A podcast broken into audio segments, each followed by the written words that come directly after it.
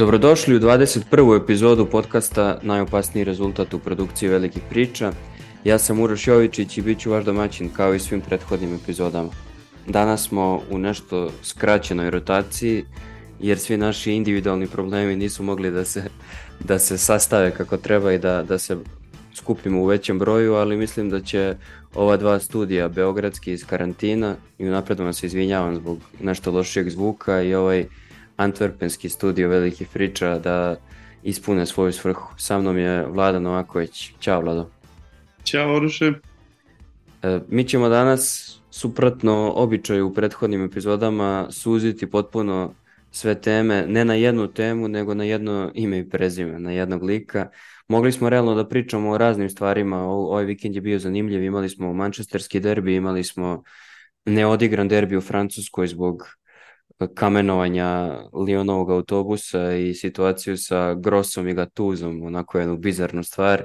Imali smo Gironu koja je nastavila da melja Leverkusen koji je nastavio da igra kako igra, ali smo odlučili da pričamo... Ali smo sve to već radili, tako da...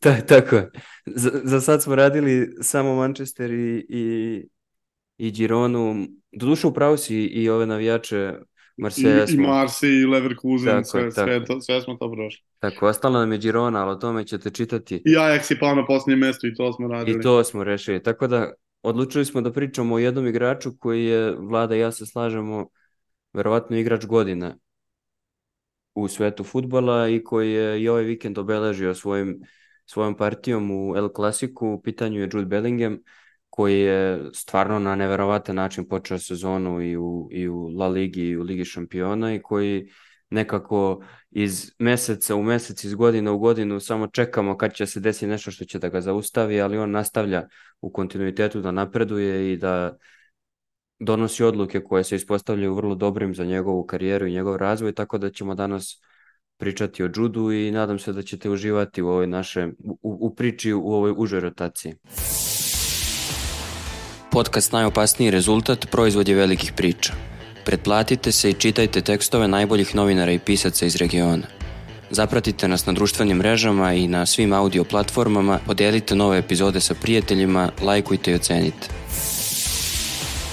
E, Vlado, hoćemo da krenemo od, od toga kako je Jude zapravo od početka, znaš, kao, kako je Jude zapravo uspostavio ovo što danas znamo o njemu kako je krenuo. Krenuo je, ono što je meni zanimljivo, kad se podvuče crta na današnji dan, on je odigrao 170 utakmica u seniorskom futbalu, čovjek koji je 29. juna napunio 20 godina, e, sa 13 godina je igrao za U15 reprezentaciju, sa 16 je debitovao za Birmingham i odradio 40 utakmica u čempionšipu, onda prešao u Borusiju i to rekao bih u pravom trenutku ili u poslednjem trenutku kad su u pitanju ti igrači iz Engleske i odlazak u Bundesligu, onda odlučio da ode u Real. Kako tebi izgleda taj njegov razvojni put?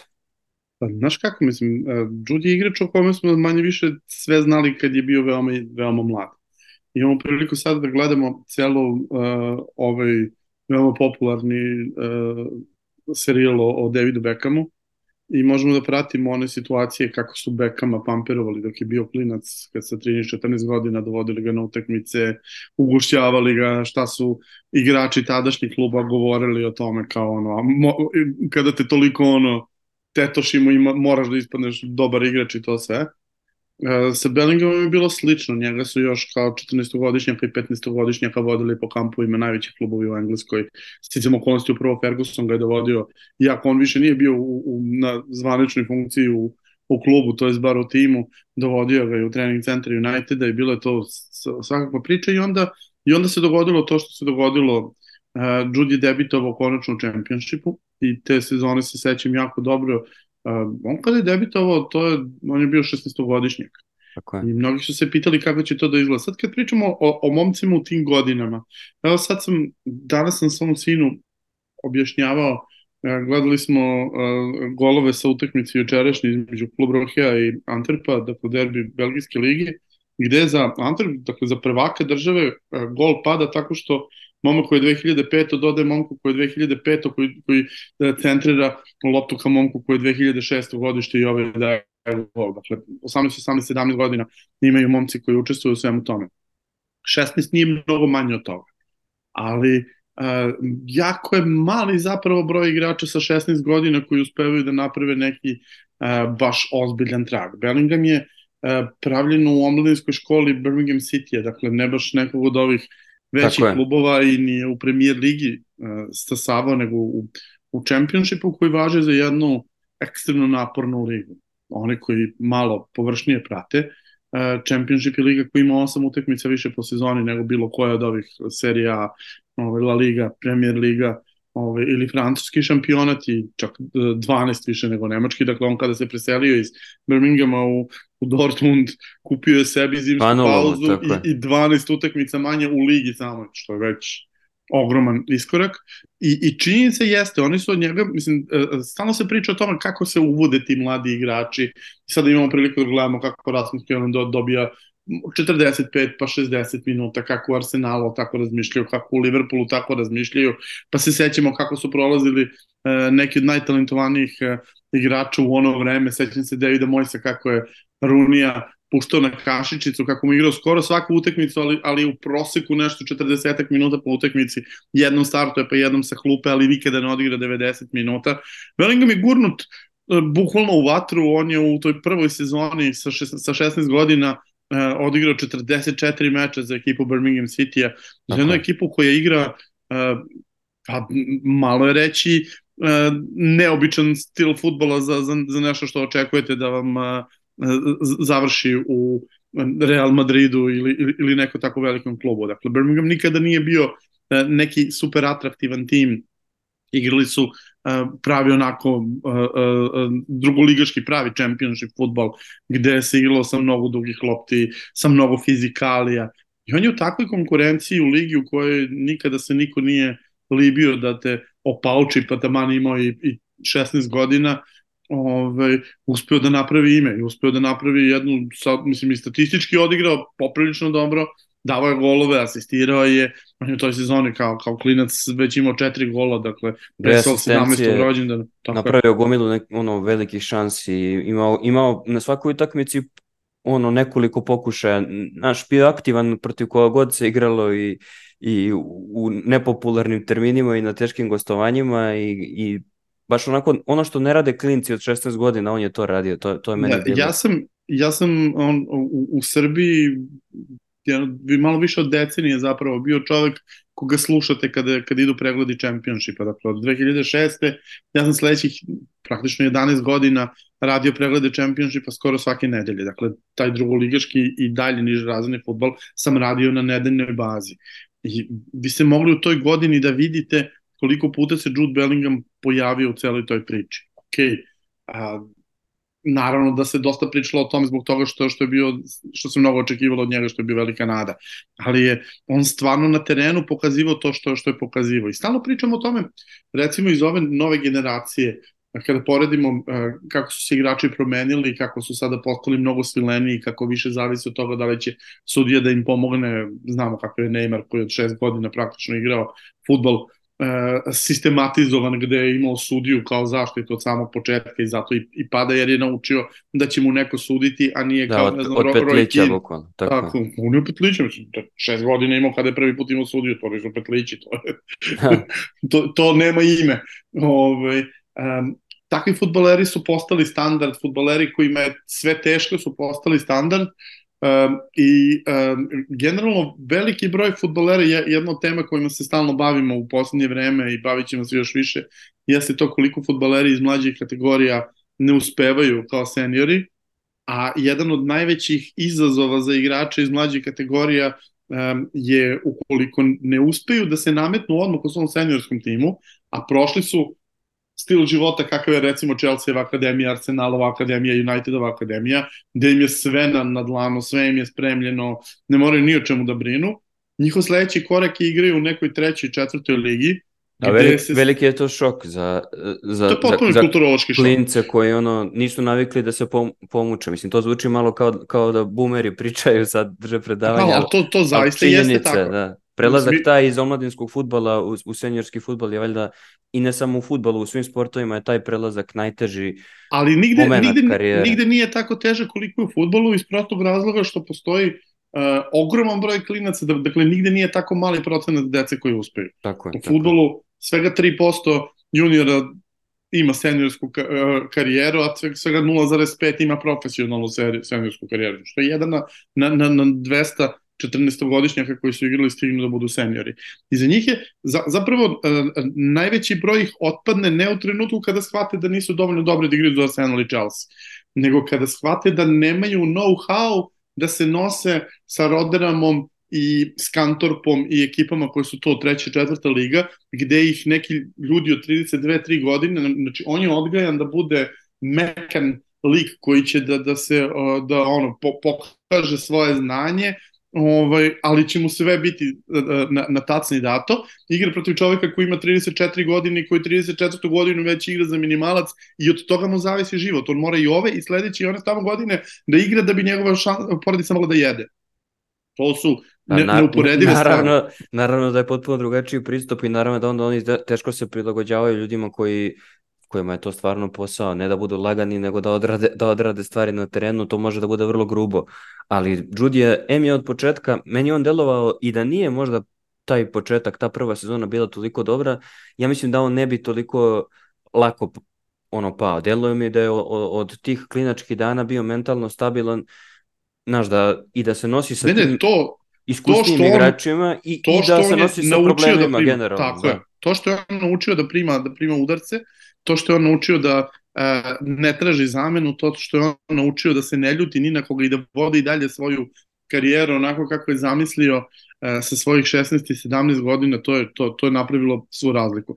Da sećam, pre neku godinu sam čitao priču životnu jednog futbolera koji je sve vremeno bio Uh, ja sam pisao onaj tekst uh, na osnovu onih Guardianovih igrača koje Guardian bira 60 najvećih talenata, ali oni su paralelno imali i jednu ediciju koja je bila najveći talent omladinske škole svakog kluba iz premier lige.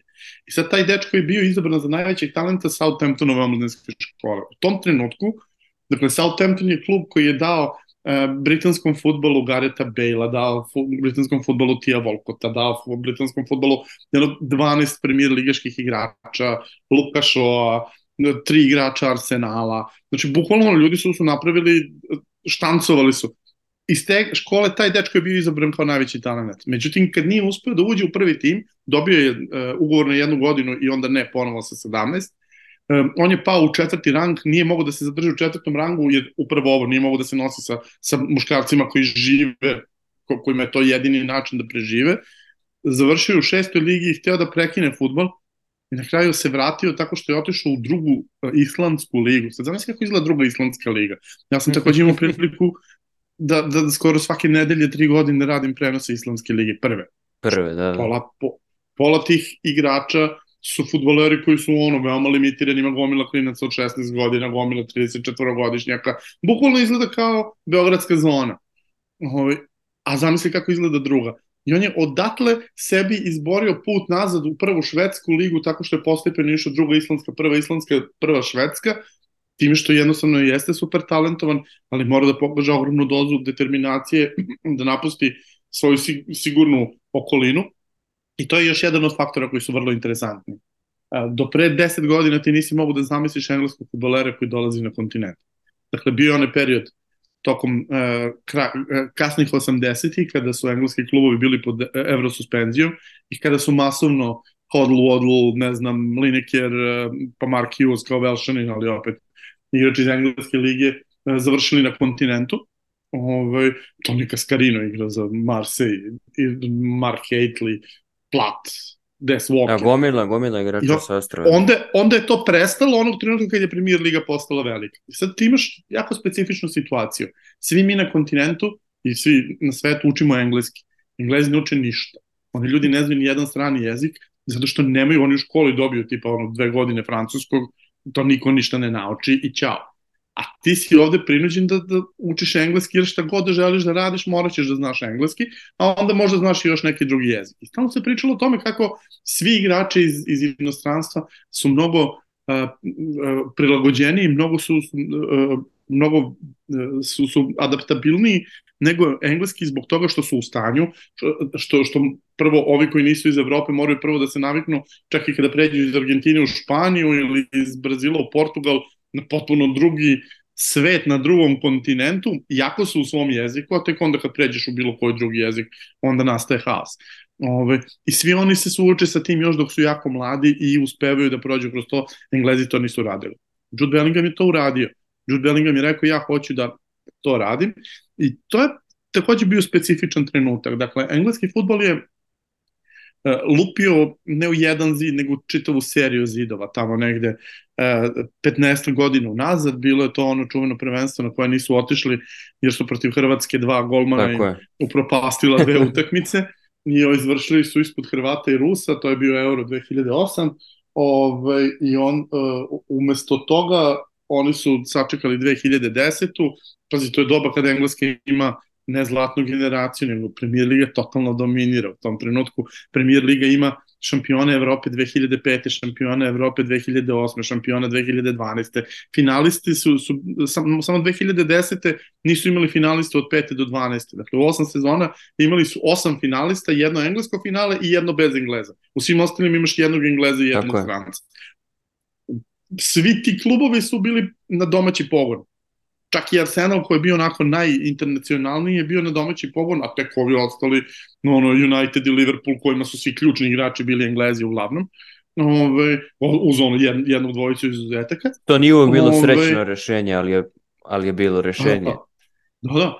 Ove, i, i ti imaš 10-12 fantastičnih futbolera, elitnih futbolera, Ferdinanda, Terija, Lamparda, Gerarda, Runija, ovoga onoga, I, i, i ništa ne možeš da uradiš na velikim takmičenjima. I lupili su u plafon, rešili su da krenu sa e, izgradnjom trening centra, napravili su trening centar čuveni u Burtonu na, na, na Trentu i odatle sve, sve krenulo. Međutim, i počeli su da ostvaruju sjajne rezultate u mlađim kategorijama. Međutim, pravi iskorak je napravljen onog trenutka kad su njihovi igrači počeli da prelaze kanal počeli da dolaze u evropske klubove. I nekako se ispostavilo, bar u toj ranoj fazi, da je Bundesliga fantastično mesto za njih, kao što svi znamo, Bundesliga se jeste profilisala tako, čini se da je onaj iskorak Dortmunda u vreme kada čuvene svađe Vacke i Tuhila, kada je Dortmund digo ruke od toga da se takmiči sa Bayernom i rešio da pređe na, na biznis model baziran na, na, na kupovini i preprodaji i super talent.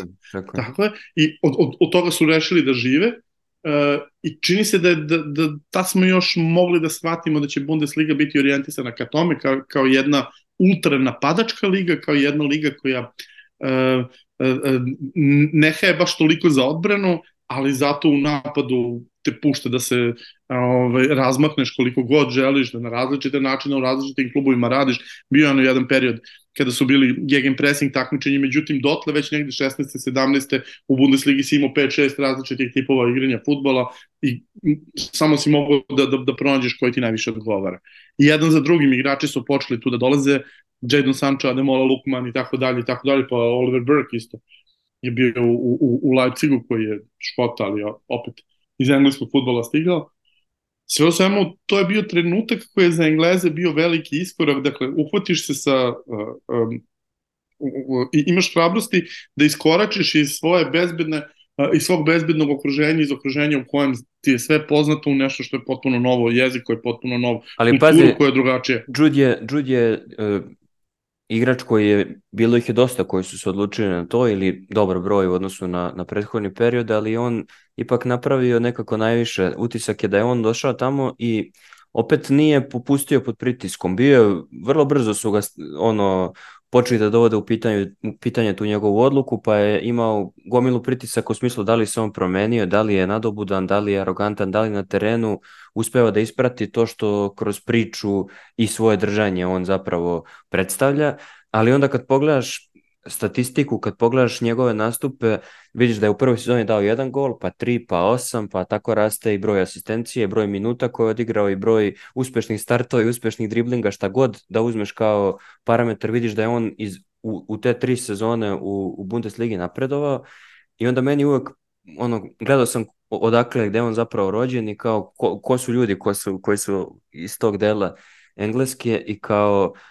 Išu školu, jednu školu pored Ronija Salimena bio. Da, da, da. Samuel Johnson je odatle. da, da. I, I onda mi pada na pamet ona, ona rečenica kao sve predstave naše umetnosti su zapravo primjeri neodoljive sile upornosti. I to ti je Jude u jednoj rečenici. Ono, on je ekstremno uporan lik koji je mentalno prilično stabilan za svoje godine i meni je to uvijek bilo zanimljivo, pogotovo prethodnoj sezoni koja je bila onako završila se krahom gde su čitav tim zapravo iz, ono izvrtali ruglu njega posebno kao majstore ako si toliko dobar i toliko veliki što nisi pobednik. Gdje trofej, gdje trofej. To. Ili imaš ti neki dokaz za to, međutim onda on donosi odluku e, to je nešto što sam htio da te pitam, ljudi su nam postavljali ta pitanja ranije, bilo je priča o tome gde će on ovog leta. I sad naravno da svi mi koji navijamo za Liverpool ili generalno ljudi koji vole Premier ligu su želeli da ga vide u Premier ligi, Međutim, on je doneo odluku da ode u Real i možda je Liverpool mogao da bude taj među korak ili neki drugi klub mogao da bude taj među korak do Reala, ali on je nekako opet delovao kao da ima dovoljno samopouzdanja i, i deluje da je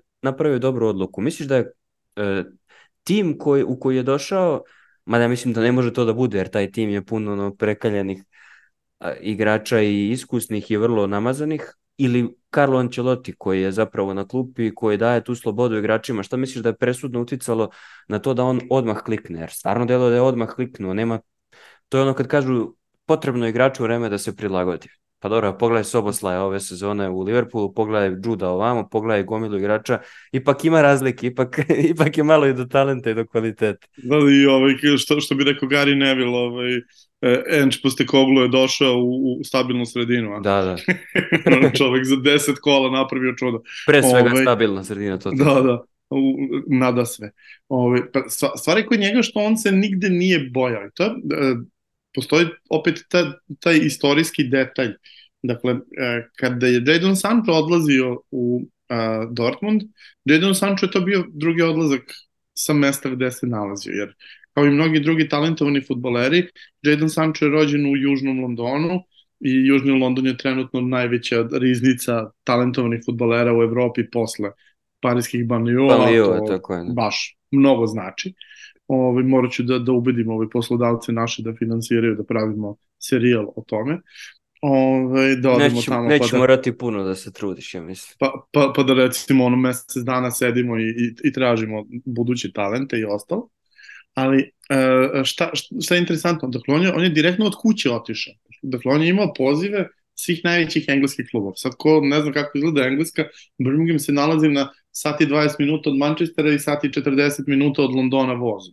Dakle, ima gomila ljudi, Birmingham je najdosadniji veliki grad u Evropi, ovaj, zbog toga što, što nema, nema svoj život, jer je um, otprilike četvrtina stanovništva Birminghama komjutuje u London. Dakle, ljudi rade u Londonu, a žive u drugom više milionskom gradu koji je ono, četvrt zemlje udaljen. Dakle, nije, nije logično, ali se to dešava. To je najprometniji put na kontinentu, kompletnom, mada Ako oni, to uzmemo kao kontinent. To, to.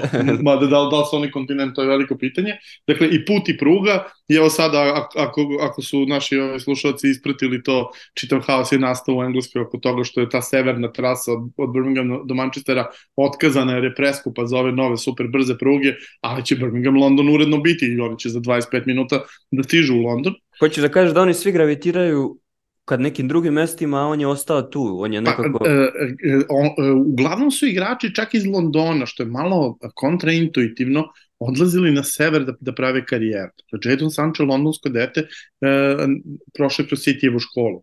Raheem Sterling kao klinac se otišao iz ovaj, QPR-a u, u, u Liverpool. Dakle, to se dešava sve češće i češće i videli smo krajnju liniji Bekama u prethodnoj generaciji koji isto je. jedva sačekao da napuni godine da može da napusti, pošto u Engleskoj postoji ograničenje do koje godine ne smeš da napustiš svoj okrug, to jest e, dokle smeš da, da, da da potpisuješ za, za klubove unutar svojih 50 i unutar 100, 100 milja od, od, od stadiona. da, toga spomenem, da spomenem u ovom trenutku, spomenuo si jedan tekst koji si pisao za velike priče o, na osnovu Guardianove one liste, sad kad si ovo spomenuo imamo na velikim pričama i, i, i tvoj tekst o tome kako Manchester City recimo malo zloupotrebljava, malo po znacima navoda zloupotrebljava ta pravila. Ali, ali pazi, oni, oni ne zloupotrebljavaju to, oni samo previše koriste i ništa ne naprave od toga. To je ono da. što je problem. Ovaj, a, i, gde nisu, nisu uh, k, uh, na kraju ne stradaju njihovi direktni rivali United, Liverpool koji mogu da skupe klince, nego strada ona sirotinja Raja, one Berry i Macclesfield Tako. koji ne mogu to sve jer do njih ne dođe ta treća, četvrta ruka, nego oni su ispali iz kompletnog lanca iskrene. A sad ovo što I, si spomenuo, Jude, e, i sad, sad se ima, imaš uklapa, Jude, da. Jude se ne uklapa jer je Jude dete koje je odraslo u Birminghamu, u, u tom delu grada gde je igrao na najbližem stadionu na St. Andrewsu koji je u južnom delu grada, dakle nije čak otišao ni do Vila Parka koji je sa druge strane Birminghama gde bi morao da ide ne znam koliko stanica, ne, nego odrastao je, ceo život je bio tu i onda kada je dobio poziv da, da ode, nije otišao ni u jedan engleski klub, nego je otišao u drugu državu, u drugi jezik, u drugu kulturu i nije mu bilo frka. Uopšte mu nije bilo frka i radio je sve što je trebalo da radi, dakle ponašao se kako treba, igrao je dobro, uh, nije dao da, da, da, da, mislim, Dortmund ove nove generacije je jedna jako teška sredina za odrastanje. Ove, iz prostog razloga što si ti svestan da, da verovatno ćeš ostajati bez trofeja. Dortmund ne učestvuje, u, oni učestvuju u bici za trofeje, ali nekako uvijek se desi da, da ih na kraju Fiktivno. ne osvoje. Fiktivno. Da, Ove, I ova posljednja sezona je stvarno ono, mislim, neverovatno. Bayern im je bukvalno spakovo i mašnicu im je dao, izvolite. Ma, malo delovalo kao štrumfovi, ovi gurko. Da, da. Ove, kako se zove, kad, kad, kad ti da poklon u ruke pa ga ti otvoriš pa bude bum. Tako je to izgledalo. Ove, poklonili su titulu protivniku poslednjih dana sezone i stvarno je bilo teško. Međutim, kod njega se, čini mi se, cela ruta znala mnogo napred. I on stalno priča o tome i sada i pre toga imam utisak da je jedna od stvari koje on pokušava da, da postavi to da ne prođe sa problemom kao mnogi drugi engleski igrači. Jer najveći problem engleskog futbala u toj eri kada su stvarno bili najbolji, to, to je prva decenija ovoga veka, ovaj, jeste bilo nepodnošenje igrača iz različitih klubova i nepodnošenje navijača uh, futbolera iz one druge ekipe. Dakle, jako su imali, su klanove na, na nivou kako zaista samo na Balkanu mogu da zamislim još da postoje, gde ono, pola ekipe neće da priča sa pola ekipe zato što igraju za konkurentski klub. Ove, I to, to je atipično za Englesku. U Engleskoj to nikad nije bilo tako. Nije bilo tako ni, ni, ni, ni 20 godina ranije, a nije ni danas. Ove, ali mislim da je Jude želeo to kompletno da izbegne. Dakle, da se ne vezuje ni za jedan od ovih klubova i da stvara animozitete prema ostalima, nego da bukvalno bude neka vrsta nadorganizma iznad celog engleskog futbola, on je hteo da ide u Real, to mu je Pazi, može biti da je, da, je on, da je on to uradio i u ovoj drugoj fazi, ne samo kad je birao prvi klub posle Birminghama, nego i, da, da. kad je birao sad ovo, tako da može tako biti da je to je. razlog s tim da Znaš kako, ne, ti si, pa, ti si upravo pazi, kad Dortmund kažeš... Je, Dortmund je vrlo, vrlo specifična stvar i to je nešto što, o čemu ćemo takođe morati da pišemo i pričamo u narednom periodu. To je koliko Dortmund može da ostane to jer e, Dortmunda sada istiskuju sa tih pozicija engleski klubovi, ali engleski klubovi trećeg reda, dakle Tako Brighton je. i slični. Brighton lagano može sad raditi to što je radi, ranije radio Dortmund. Pritom dobili smo jako dobro pitanje, samo da se nadovežem, ranije, uh, da li je Francuska liga postala, čak se sećam i ko je pitao, Veljko Ranđelović, da li je Francuska liga postala nešto što je Nemačka bila, samo mnogo jeftinije i mnogo prostije za, za, za upravljanje i za funkcionisanje, s tim da to pitanje ne stoji ako, ako računamo da, da u Engleskoj već imaš klubove koji to sve mogu da rade. Ne treba ti ni da, Francuska da, ali, ni Nemačka. Ali je Francuska, Francuska tu ima više smisla nego Nemačka iz prostog razloga što ima mnogo manje para nego Nemačka yes. i što, što to može da bude na onoj prethodnoj stepenici. Jer pazi, Dortmund je bio u jednom trenutku taj trenutak je potrebao 3-4 godine, zaista fenomen tebi se pojavi širom Evrope deset spektakularnih talenata i odjednom četvorica u istom trenutku završe u Dortmundu. Gde tebi Erling Holland koji ima otvoren put iz Salzburga u Leipzig, koji je potpuno logičan jer je to klub koji Tako njemu je. i više odgovara tipski i sve mu više odgovara, odlazi u Dortmund zato što zna da je to stepping stone za dalje. Dakle, on je de facto, kad je potpisao za Dortmund, potpisao za City. Ove, I ceo dogovor je bio, ja idem tamo da biste me vi pustili tamo, jer ako bi otišao u Leipzig, Leipzig može da kažem mogu, ili prodaćemo to u Bayern ili ne znam šta, ne, nego bukvalno on je izabrao korak, jer, u tom trenutku, dakle, Sancho, Uh, ovaj, i, i, i Holland i gomile još drugih talentovnih futbolera u tom, u, u tom uh, kratkom periodu su, su bili futboleri koji su išli tamo jer je to bilo mesto gde ideš da se razviješ do kraja. Dakle, to je mesto gde ćete pustiti da igraš elitni futbol, kao što sada puštujemo Kokoa sa, sa 16 godina da igra i da daje golove, uh, pustit ćete odmah, dakle, bit će ono, ako si dovoljno dobar, dovoljno si star, uh, a sa druge strane, ipak ćeš igrati i Ligu šampiona i to često i eliminacijonu fazu, ipak ćeš biti u top 2-3 u Nemačkoj, a ne, ne znam, da, i bit ćeš konstantno mestu. na radaru ljudima I, i bit ćeš, na najboljem mestu na, za to, da. Em ćeš biti na radaru, em ćeš biti, ovaj, kako se zove, okružen stvarno vrhunskim igračima. Ne zaboravim da je Usman Dembele u tom periodu došao za velike pare u Dortmund i za godinu dana otišao za puta četiri pare u, u, u Barcelonu. Dakle, da, da, Ren I to, zbog toga kažem da, da, da je odlično zapravo pitanje da li je Francuska postala to, jer je Francuska ima, Ren kao kontinuitet 10-12 godina da, da to radi, da razvija futbolere, evo sada Jeremije Dokua, ove, ali, ali uh, Kamaldina uh, Sulejmanu i tako dalje, ali imala i u tom prethodnom periodu, međutim utisak je da se sada već pojavljuju još nekoliko klubova po zemlji i gde ćeš imati tu grupu od 3-4 ove velike ekipe koje su ono, takmičarski orijentisane, dakle Marseille, Lyon, Paris, mislim sad kako je Lyon takmičarski orijentisan, to je diskutabilno. Možda u, u drugoj ligi. To, otprilike, ali, ma, mada, znaš šta, e, spremajući sad ovaj tekst sledeći koji radim, a to možemo da spojlujemo da publici, da, najavimo, da, da je vezan za, za, za e, finansijski debakl e, Serije A i Lige 1 u nekoliko dana koje su ostale bez para koje su planirale, i to jedna ono bez trećine planiranih prihoda od, od, od televizije, jednostavno televizije nisu zainteresovane da im daju para koliko one misle da, da, da vrede. I onda sam naleteo na prognozu za sezonu gde jedna od tačaka je bila povratak Liona u top 4 međutim, eto, Lyon posle 10 kola na dnu tabele. Ove, ali, ali ispod njih postoji čitav niz klubova u kojima se dobro radi i u kojima se razvijaju igrači, a sad imaju odličnog trenera u Remsu, sad imaju odlične trenere u još nekoliko klubova, bio je Strasbourg ono jedne sezone, pa svake godine iskoči po jedna, dve ekipe i utisak je da zaista se Francuska lagano pretvara u to, što je nekako i logično, Francuska je zemlja koja ima daleko najveću produkciju uh, talentovanih igrača igrača, vrlo dobre klase na svetu. Niko ih ne pravi. Nekad ih je Brazil pravio najviše, sad ih pravi Francuska. Francuska sad stalno pričamo može pet reprezentacija da sastavi. E, ali, to možda pazi, nisu opet super je... reprezentacije, ali to, to su dobri igrači sve. Opet je moj utisak, opet je moj utisak da je od svih tih igrača koji su prošli, ono, odlučili da, da naskoče na tu odskočnu dasku koja je bila u Dortmundu ili sada gde god da se ta odskočna daska bude postavljala, opet mi deluje da je ovaj dečko napravio to nekako naj, najlaganije, bez, čak ni sa Haalandom kada ga poredimo ne mogu da kažem da je i, i, i sa, Miko je pisao tekst o tome koliko, je, koliko Haaland može da bude ono da zaglavinja i da bude u, u problemu i da bude problem za svoj tim da nije čovjek godinu dana odigra dupli pas, između ostalog. A ovaj se nekako prilagodio i možemo... Kako nije pa odigra dupli pas protiv uh, Arsenala kod kuće koji je prelomio sezonu? Ako se sećaš, prvi gol pada iz, iz njegovog zagrađivanja i, i odigravanja pasa za, za Kevina. To je tačno, ali... Mi, ali samo kad mora.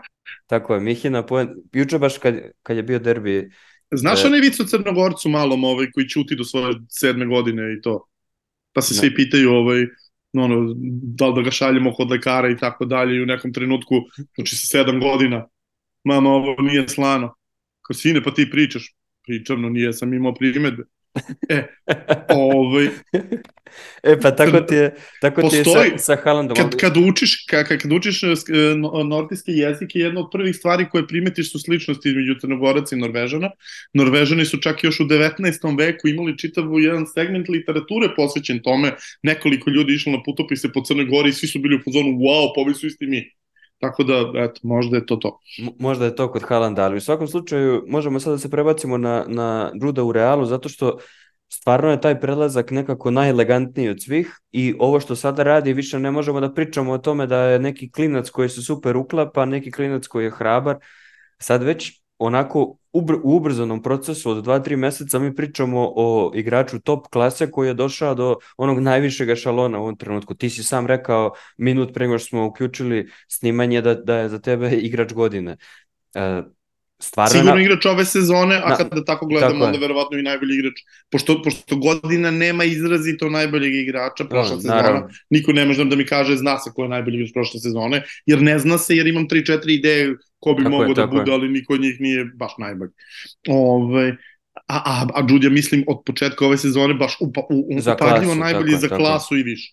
Ove, šta, šta, sad, šta sam teo da ti kažem vezano za to? Dortmund je e, kao taj protočni bojler e, podbacio. Zašto je podbacio?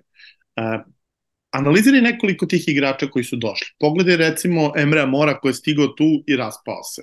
Pogledaj Aleksandra Iseka koji se raspao pa je uspeo kasnije da se vrati svojom voljom kroz drugi klub koji se pokazao kao odlična odskočna daska koji je Real Sociedad.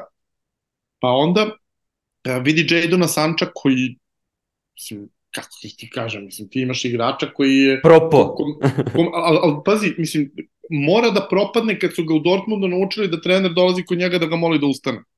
Dakle, Terzić priča o tome kako je on, dok je bio pomoćni trener, bio, imao zadatak da dolazi da ga budi u sobi, jer on nije mogao gospodin da se probudi za jutarnji trening. To, to je da uzmeš i da išamaraš glavnog trenera i direktora kluba.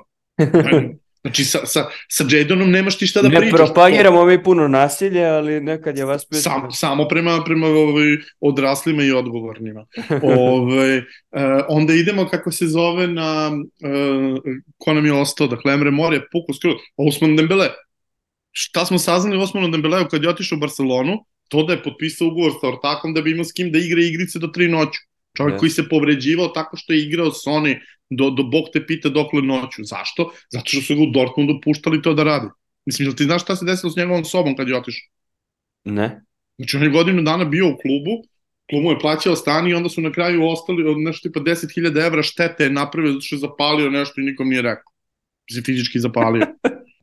I ti, Da što, to, to je Dortmund, to je klubska kultura Čekaj, iz Dortmunda. Aj objasni mi kako di su onda pogrešili sa ovim. Jel moguće da je to toliko individualna stvar i, i njegova mislim glava? da je to toliko, mislim da je problem Dortmunda to što je dozvolio da to budu individualne stvari. Dakle, mislim da, da, je, da je to ključni razlog zašto je Brighton uspeo bukvalno u, u jednom koraku da, da ih makne u stranu i da ode dalje. Jer Brighton i dalje ne zarađuje para kao Dortmund, i dalje ti ne garantuje ligu šampiona kao Dortmund, dakle i dalje nije baš real deal koliko je Dortmund real deal. Bolje biti drugi u, u, u Nemačkoj nego sedmi u Engleskoj, tako? Pa. Ove, pa mislim, znaš, možemo pros i cons, ali, ali Dortmund je tim koji ulazi u Ligu šampiona sa, sa, sa mesta u, u, u drugom šeširu, što znači da je favoriti da, da stigne u, u proleće. A Brighton, evo, krenuo tako što je izgubio kod kuće od ekipe iz Istočne Evrope. Nije isto. I ovaj, a, ali su ih makli u stranu zašto? Zato što igrači koji izlaze iz Brightona pogledaj kakvi su, pogledaj mentalitet, pogledaj kako se ponašaju, pogledaj kako razmišljaju o futbalu i ka, kakav doživlja imaju. Ove, I tu će im recimo Kajsedo predstavljati veliki problem, ali zato ovi svi ostali su, su primerni za sada. Ove, Jude Bellingham je uspeo da snagom svoje volje napravi to što je napravio, uh, sam je sebe trenirao da bude ovo što je, što je, što je postao u realu, ali moramo da budemo iskreni. Nisi ti, nisam ni ja, ni ti u Dortmundu, a ne verujem ni u Realu očekivao da će to ovako da izgleda. Realno. Jer ovo kako on izgleda, jer, jer on je došao, lepo si to rekao, ono, pa smo otišli na one ranije faze, ali Real u koji on došao nije Real Karima Benzeme koji je 10 godina šampion Evrope ili skoro pa šampion Evrope.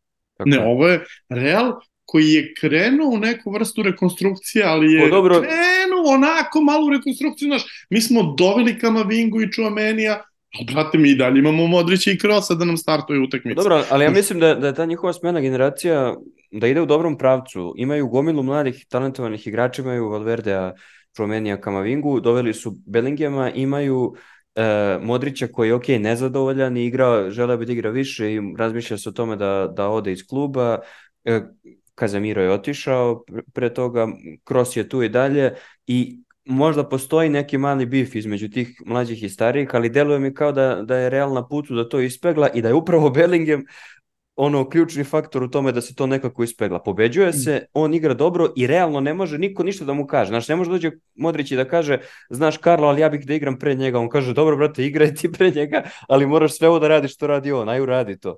Znaš, da, i... uh, postoji tu nekoliko stvari. Prva stvar jeste, tačno pravo si, mislim, da niko nema taj tu količinu mladog talenta kako imaju oni. Barcelona sada pokušava opet da plasira svoj mladi talent kroz ovu gomilu klinaca koji svaki nedelje se pojavi novi da, da gol ono iz Barcelone B, puf daje gol za pobedu u seriji A i tako u, ove, u, u, u La Ligi I, i to je sve super. Međutim, stvarno ti kad pogledaš u Realu, u celu mladu generaciju, to su sve super talentovani futbaleri i št, na, šta je najgore? Najgore što ti dolaziš do situacije gde Valverde već se priča o tome, ok, ok, kao Valverde ide jer nema mesta u timu, jer ono, nemaju toliko mesta na sredini terena da mogu da ih naguraju sve da mogu da igraju.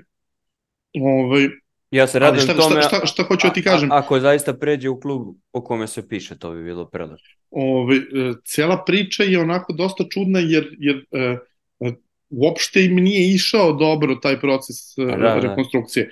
Jer ti prošle godine kad vidiš okolnosti, kad vidiš od čega Barca kreće, kad vidiš u kojim problemima Atletico, nezamislivo je da Real Madrid nije uzeo titulu. A on ne samo da nije uzeo titulu, nego ni jednog trenutka nije bio u borbi za titulu. Da, nije Barcelona- izgledalo da može da... Barcelona je titulu uzela negde ono u oktobru, novembru.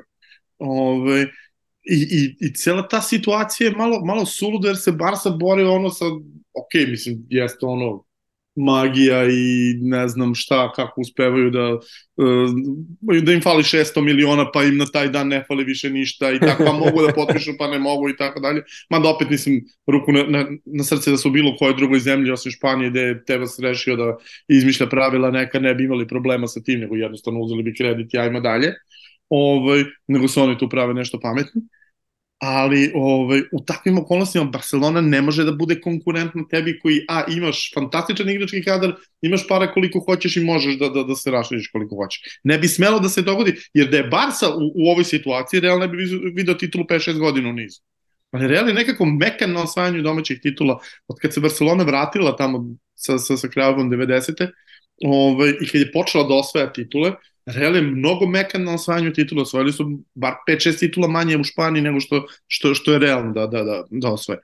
Ovaj, I, I zapravo tačno to što si rekao, kao da im je Jude premostio taj problem koji su imali, jer kad ne znaju šta će on dođi i reši utakmicu. Nije bitno da li igraju sa Getafeom ili, ne znam, Almerijom ili igraju na, u gostima protiv Barcelone, nisu znali šta da rade, bar se ih je razvaljivala, prečke stative, svašta se dešava i da uzme loptu čovek, bang i ono što... Prvo jedno zvekne šta sa, sa 25 bilo, brate? metara. Si vidio kako ona prilazi golmanu i odlazi polako. Ma, ja, jesi, jesi, vidio, ti- jesi vidio kako ona odlazi iz njegove noge u trenutku kad on Da. hvata zalet ni iz čega, dakle on, on nije iz zaleta šutno, a tebi ona izgleda, kao bukvalno, znaš na što mi liči?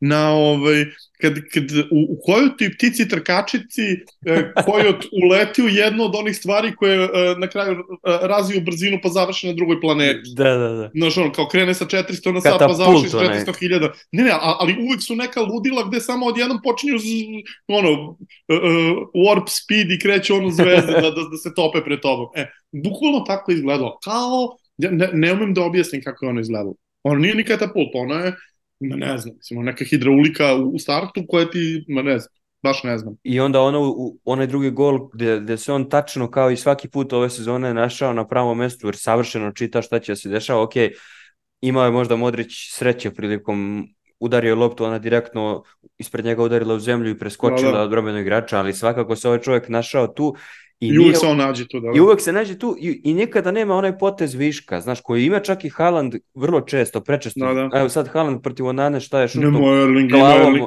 Ono, ono, ono glavom što mu je odbranio Nana, Ono je bilo klasično šu, šutno, a nije, nije pritisnuo pravac, ono, sramota, na, na joysticku, bukvalno. sa metar za igrača onog kvaliteta. Sad, ovom se to ne bi desilo zato što nema ni jedan potez više. Znaš, on je nju samo pipnuo u tom trenutku i to je Da, to. da. ono što je trebalo. Da, Znaš kako? i, i, i, pritom igra protiv golmana koji je monstruozan golman. Tako je, tako je. Znači koji, koji prošle godine van Španije ne, ali pošto primio više golova u tih 5-6 utakmica što su igrali van, van Španije nego u svima koji igraju u Španiji, ali zato u Španiji ono što je on radio je bilo, ja mislim da je on prošle godine 20 bodova sam donio. Ali pazi, tak- tak- ja- nije, meni, nije meni ova utakmica možda metafora čitave Ne, Judove ne. sezone. Ne, meni, je, ovo- meni, je, meni je Ovo je samo posljednji step, stepenik zbog toga što je on tu pokazao, vidi, mogu da igram protiv na, najvećeg protivnika na svetu na njegovom terenu izgubljenu utakmicu, jer oni su de, de facto Da, imali da. izgubljenu utakmicu. Mentalitetski ovo... ovo Ne, mislim, o, ovakve utakmice su se prethodnih 20 godina završavale 3-0 pe- do 5-0 za Barsu. Jeste. E sad, znaš kako, ovdje hoću mali omaž da dam Mihovilu koji nije s nama danas, e, ali će biti sljedećeg utorka. Kako se zove? Znači, da otpevamo nešto ko klapa ili... Pa nećemo... Jute mo... sonce. Da, da, mogu samo da stavim ono hashtag, samo jednu želju imam, nego sam dru, drugi omaš teo da mu, da mu e, pošto je pričao u, u podcastu u Tribina se bavila judom pre jedno mesec, mesec i po dana, pa je on spomenuo kako je judov trener iz mlađih kategorija savjetovao juda da nosi broj 22. I ja sam se onda zajebavao s drugarima da je to zbog Saša Ilića, ali nije zbog Saša Ilića, nego zbog toga što je kao judo u sebi ima najmanje tri igrača, ono, četvorku, osmicu i desetku.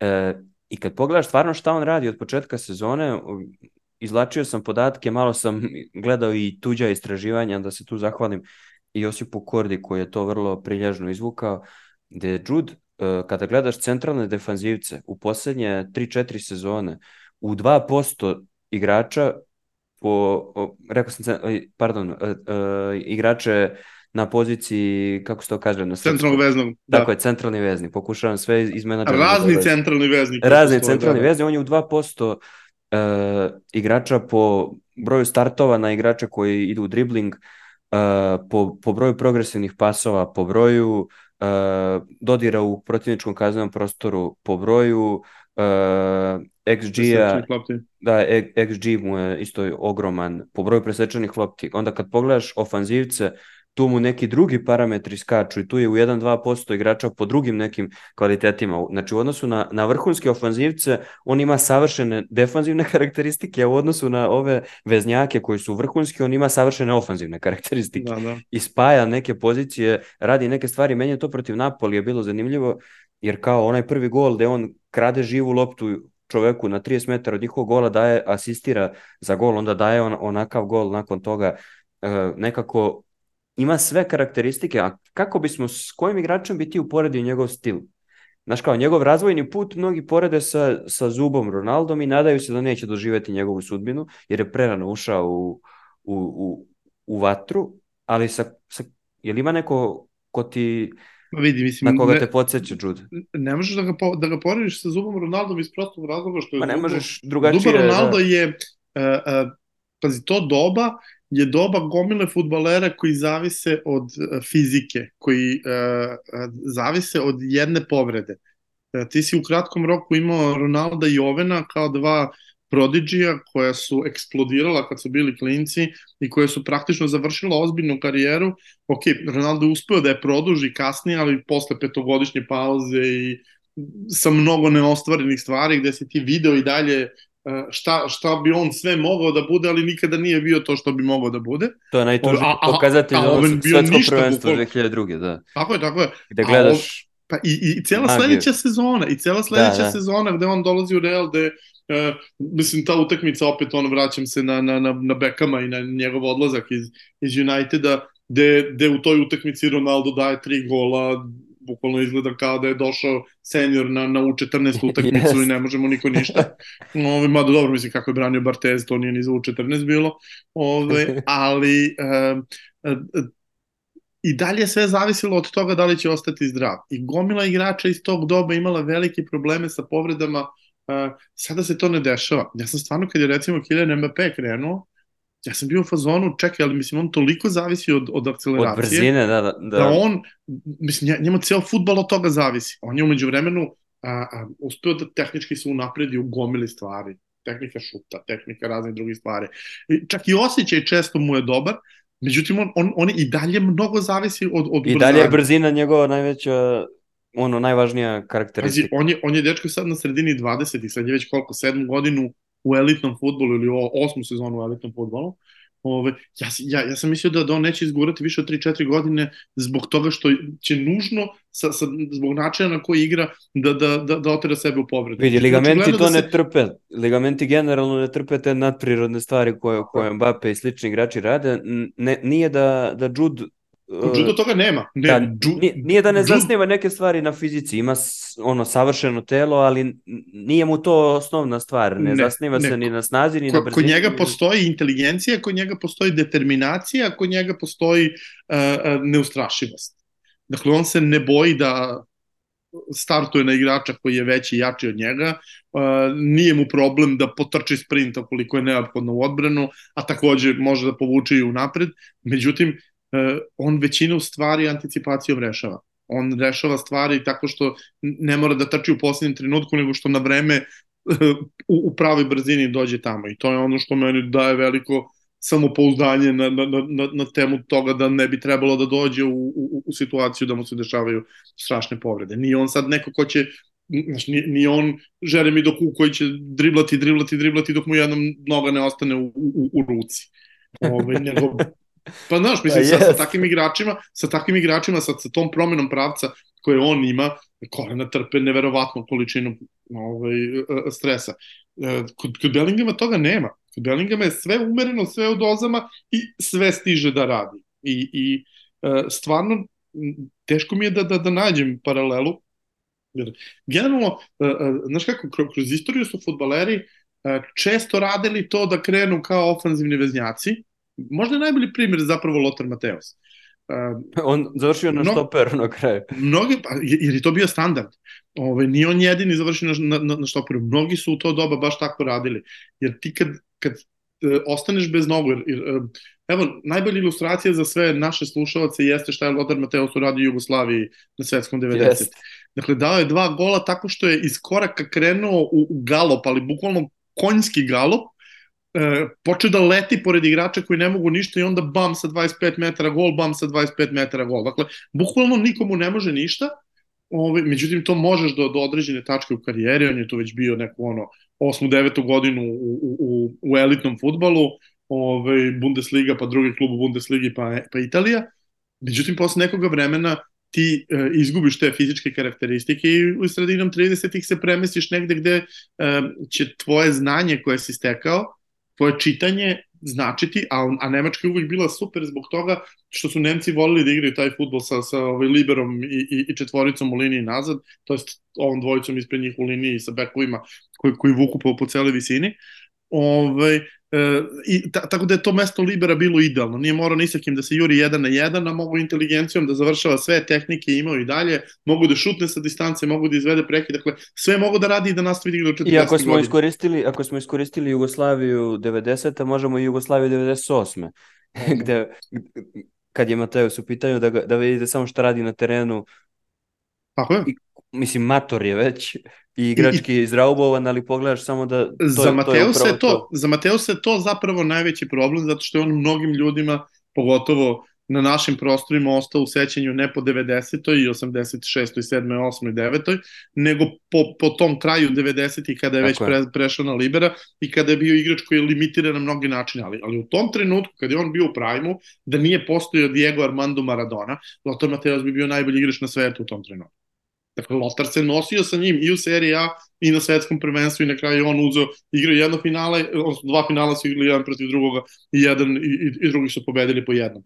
Ove, jednostavno, e, e, toliko je superioran bio i, i s te strane me to možda podsjeća, ali opet ipak sasvim drugačiji, dakle mnogo više obaveza u odbrani, ali što je opet, jeli, da, ali ono što si počeo, znak vremena. Nije put... Zeitgeist je stvar zbog toga što, što, što tada se odbrana nije igrala na način na koji se igra danas, tada ti nisi bio angažovan 90 minuta kao što si angažovan danas, tako da u prošlosti i nemaš taj tip igrača da, da možeš da kažeš e, kao ljudi su, su radili takve stvari. A ni da, Mnogo... nije ovo što si rekao, taj put koji su ranije igrači imali od, od ofanzivnih veznjaka Tako. do ka, ono unazad Bellingham zapravo Nje, njega su makli u napred jer i njemu je u Realu ovaj iskorak bio taj trenutak kada su kada mu je Ancelotti rekao ok, sine ti možda budiš i četvorka i osmica sigurno ali ja imam pet četvoraka i osmica, a nemam desetku. Budi desetka, da, ako nije problem. A nemam, a nemam ni, ni, ni elitnog strajkera. Ali što je ono, super, što, što je njemu to došlo... igrači su mi de facto krilo. Njemu je to došlo intuitivno, onda nije morao da mu crta šta će da radi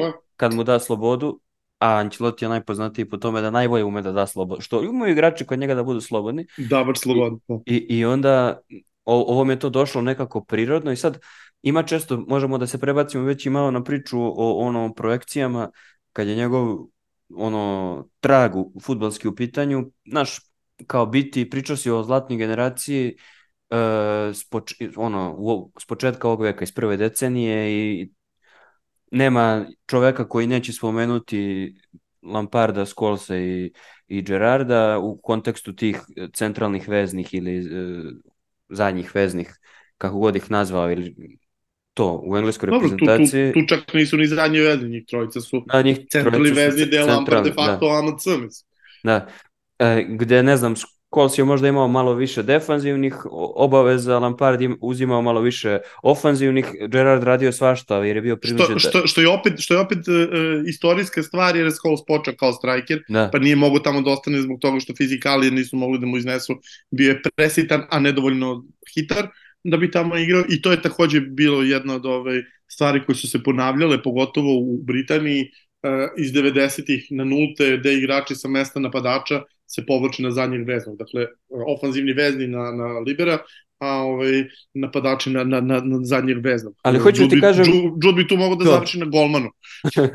ne, ne, ali ne bi meni čudilo da, da ume i da brani, ali ono što hoću da te pitam, uh, misliš li da ono kad gledaš nje, trajektoriju, trend kako se razvija njegova karijera, misliš li da može da prevaziđe ovu trojicu?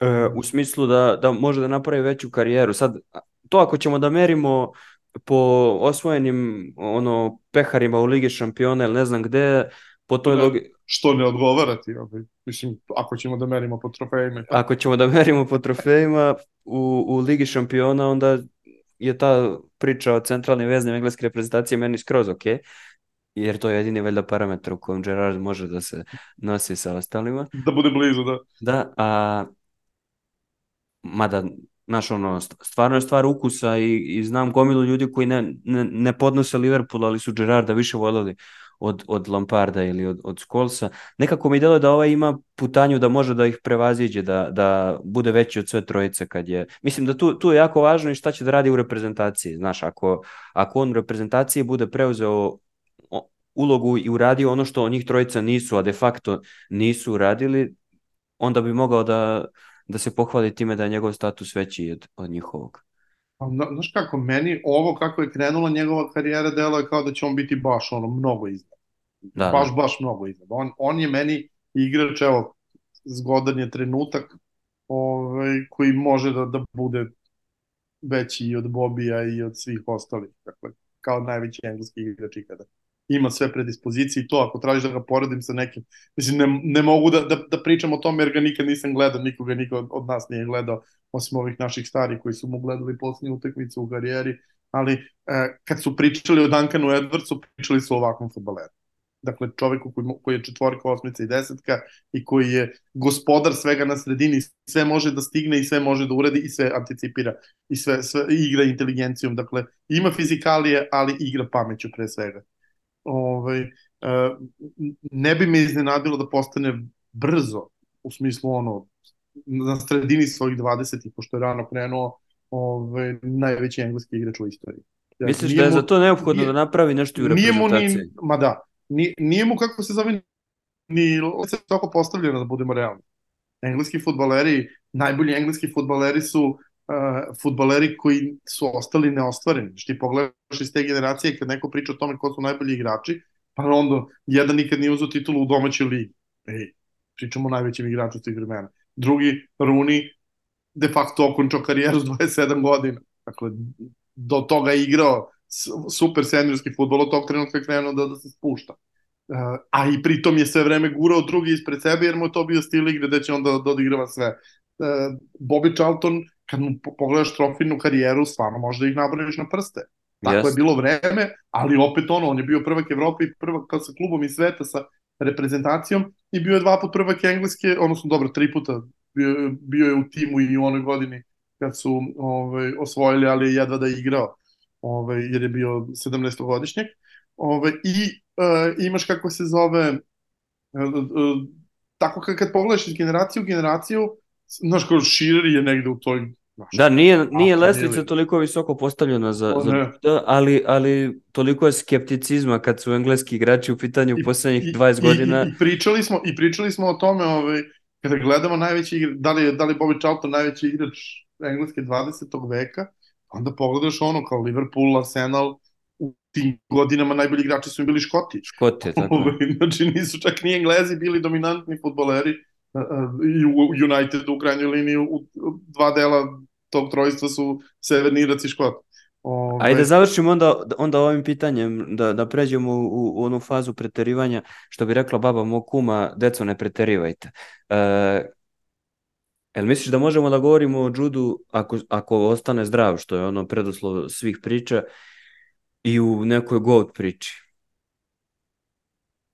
Pa pazi, o tome bi moralo da se priča zato što otko znam da li će neko od ovih drugih koji sada igraju biti u nekoj GOAT priči, tako Kilian osvoji tri, no, evropsko, svetsko, evropsko. Ako jednom konačno ode iz, iz one lige u neko takmičarsko, pa da možemo da, da razmatramo da li on stvarno elitni igrač ili nije. Mislim, ono, Francuskoj ligi stvarno razni mogu da budu elitni igrači. Ali da pričamo o tome da, da, da, da ono, imamo kategorije koje znamo, koje su nam poznate, imamo igrače pa da, koji, koji su... On, je, on je baš ono kapacitet da bude gore. Dakle, u ovom realu sada, iz ove mlade generacije, utisak je da su dva potencijalna gouta oni vini, ove, gde je za Vinija pitanje da li će pregoreti u nekom trenutku, jer očigledno da je nervčik, očigledno da, da postoji način da ga se iznervira oko ovoga rasizma i oko svega toga.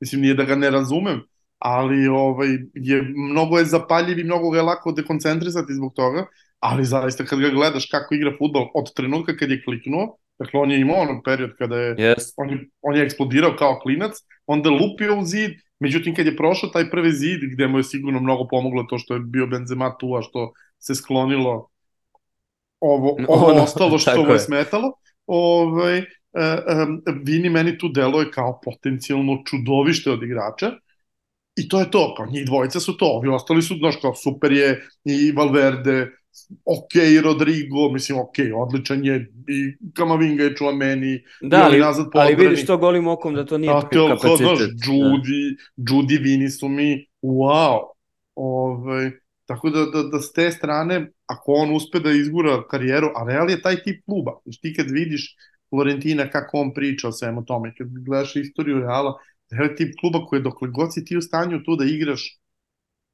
igraćeš tu. Znači, ako, ako on bude dovoljno dobar, on ima 20 godina. Znači, on može da odigra 10 rutinski još godina u Realu i da bude ono ključni igrač Reala, eto ti već ono poziva da, za, za, za gotovanje i za, za, za te priče. Ali što se tiče da bude najbolji Englez, stvarno dakle letvica nije previsoko postavljena.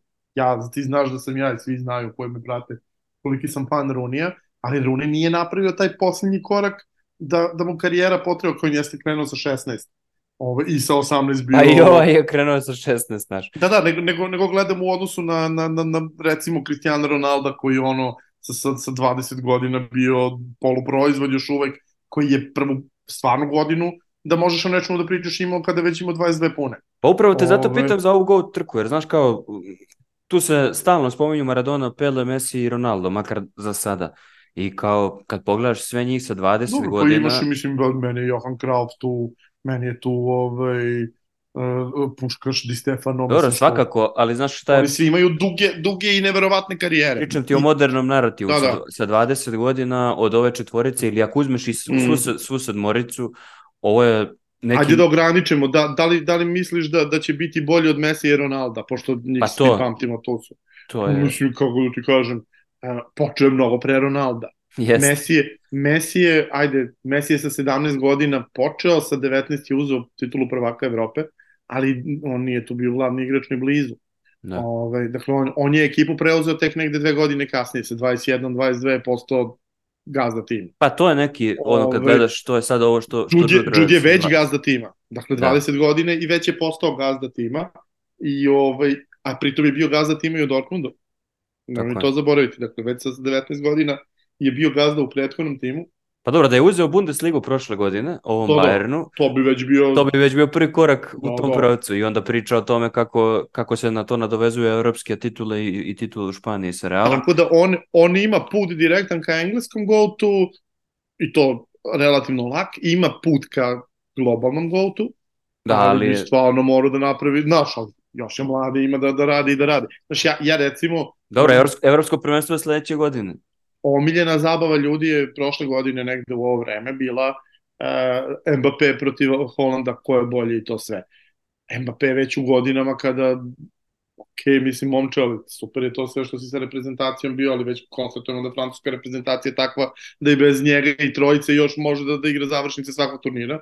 Ove, uh, na klubskom nivou si osvaja titule prvaka Francuske, kao nisi ništa uzeo klubsko u Evropi i, i dalje igraš u Francuskoj sve ove godine. Pa seti se Mo... samo čet, četvrt finala svetskog prvenstva gde igraju Engleska i Francuska, gde je Engleska po mom skromnom mišljenju bila značajno, bolji tim značajno klasu, bolji tim na toj utakmici i ti kad pogledaš Kyle Walker je ono upropastio Mbappe, iako, iako pogledaš statistiku značajno, brojevi pokazuju drugačije, ali ono odokativno... Da, da, ne, Walker je taj tip igrača, koji taj tip igrača je, je. ono izmišljen za njega, ti ne možeš da... da, da ne možeš da ga pretrčiš, a slabiji si.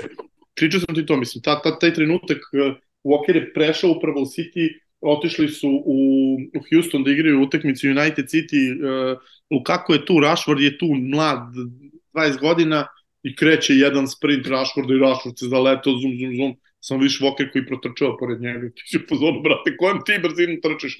Ove, I, onda, I onda ga pratiš i, i shvatiš koliko je on zapravo ključni igrač City u defanzivi, da je čak bio tada i važniji od Fernandinja, jer je ovaj, bio taj koji je mogao da ispravlja greške svih svojih saigrača, jer je jednostavno do, toliko brz bio da može da stigne do bilo koje tačke. Ne, ali pazi, na toj utakmici u tom četvrt finalu meni je najjači utisak ostavio Bellingham, koji uh -huh. u tom trenutku ima 22 godine i... 20.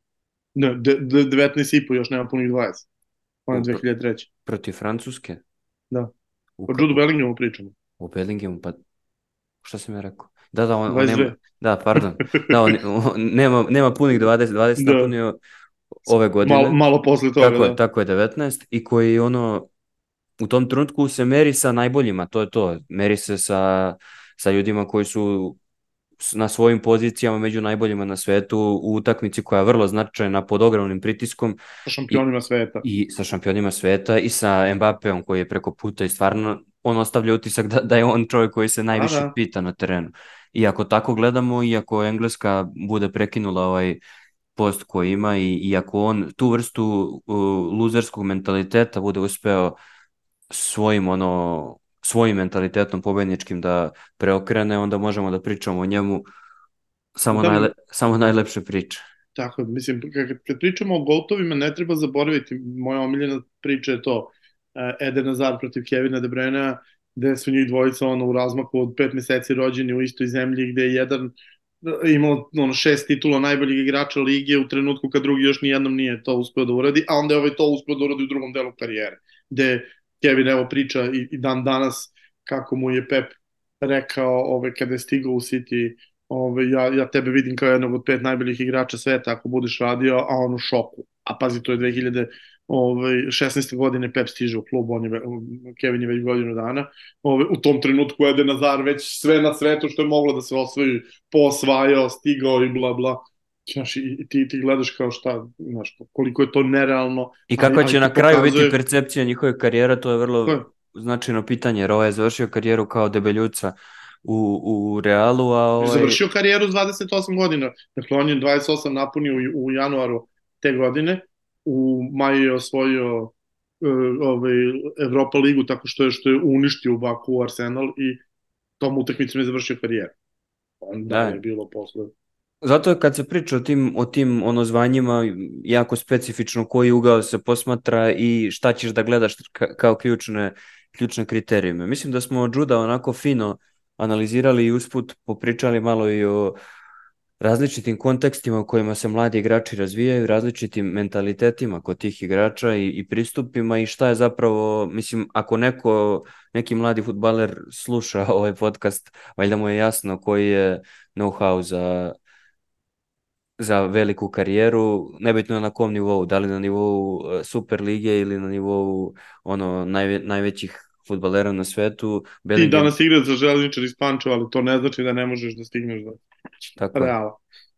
Ali njegova priča je jako važna iz ugla koji, o kome ćemo pisati i pričati svakako, pogotovo nas dvojica, a to je upravo to koliko igrača ne stigne ni blizu toga i koliko im ono životi izgledaju bez izlaza i koliko to velikih da. problema uspe da napravi ljudima individualno i, i društvima konkretno kod nas kad pogledaš futbalere kao jednu posebnu socijalnu grupu i vidiš kako to utiče na njih, to je, to je strašno. Jude je nekako, to će ružno zvučati pocenjivačke, ali je kontra svim futbolskim stereotipima koje, koje poznajemo. Tako da možda je to najbolji način da završimo ovu epizodu. Hvala ti što si bio i ovog utorka tu. Hvala svima što su s nama. Molim vas da kao i do sada budete aktivni na stranici najopasniji rezultat na Instagramu, ali da ocenite, šerujete, lajkujete, uradite sve što možete da ovaj podcast stigne do što više ljudi jer nam to znači kad se budu podlačile neke crte to će predstavljati vrlo bitan faktor u tome da li smo ispunili cilj ili nismo. Za sad je trend uh, vrlo povoljan za nas koji radimo ovaj podcast i nadamo se da i vi uživate koliko mi uživamo u samom procesu. Hvala Vlado još jednom, a vi gledajte Judo i uživajte. Ćao!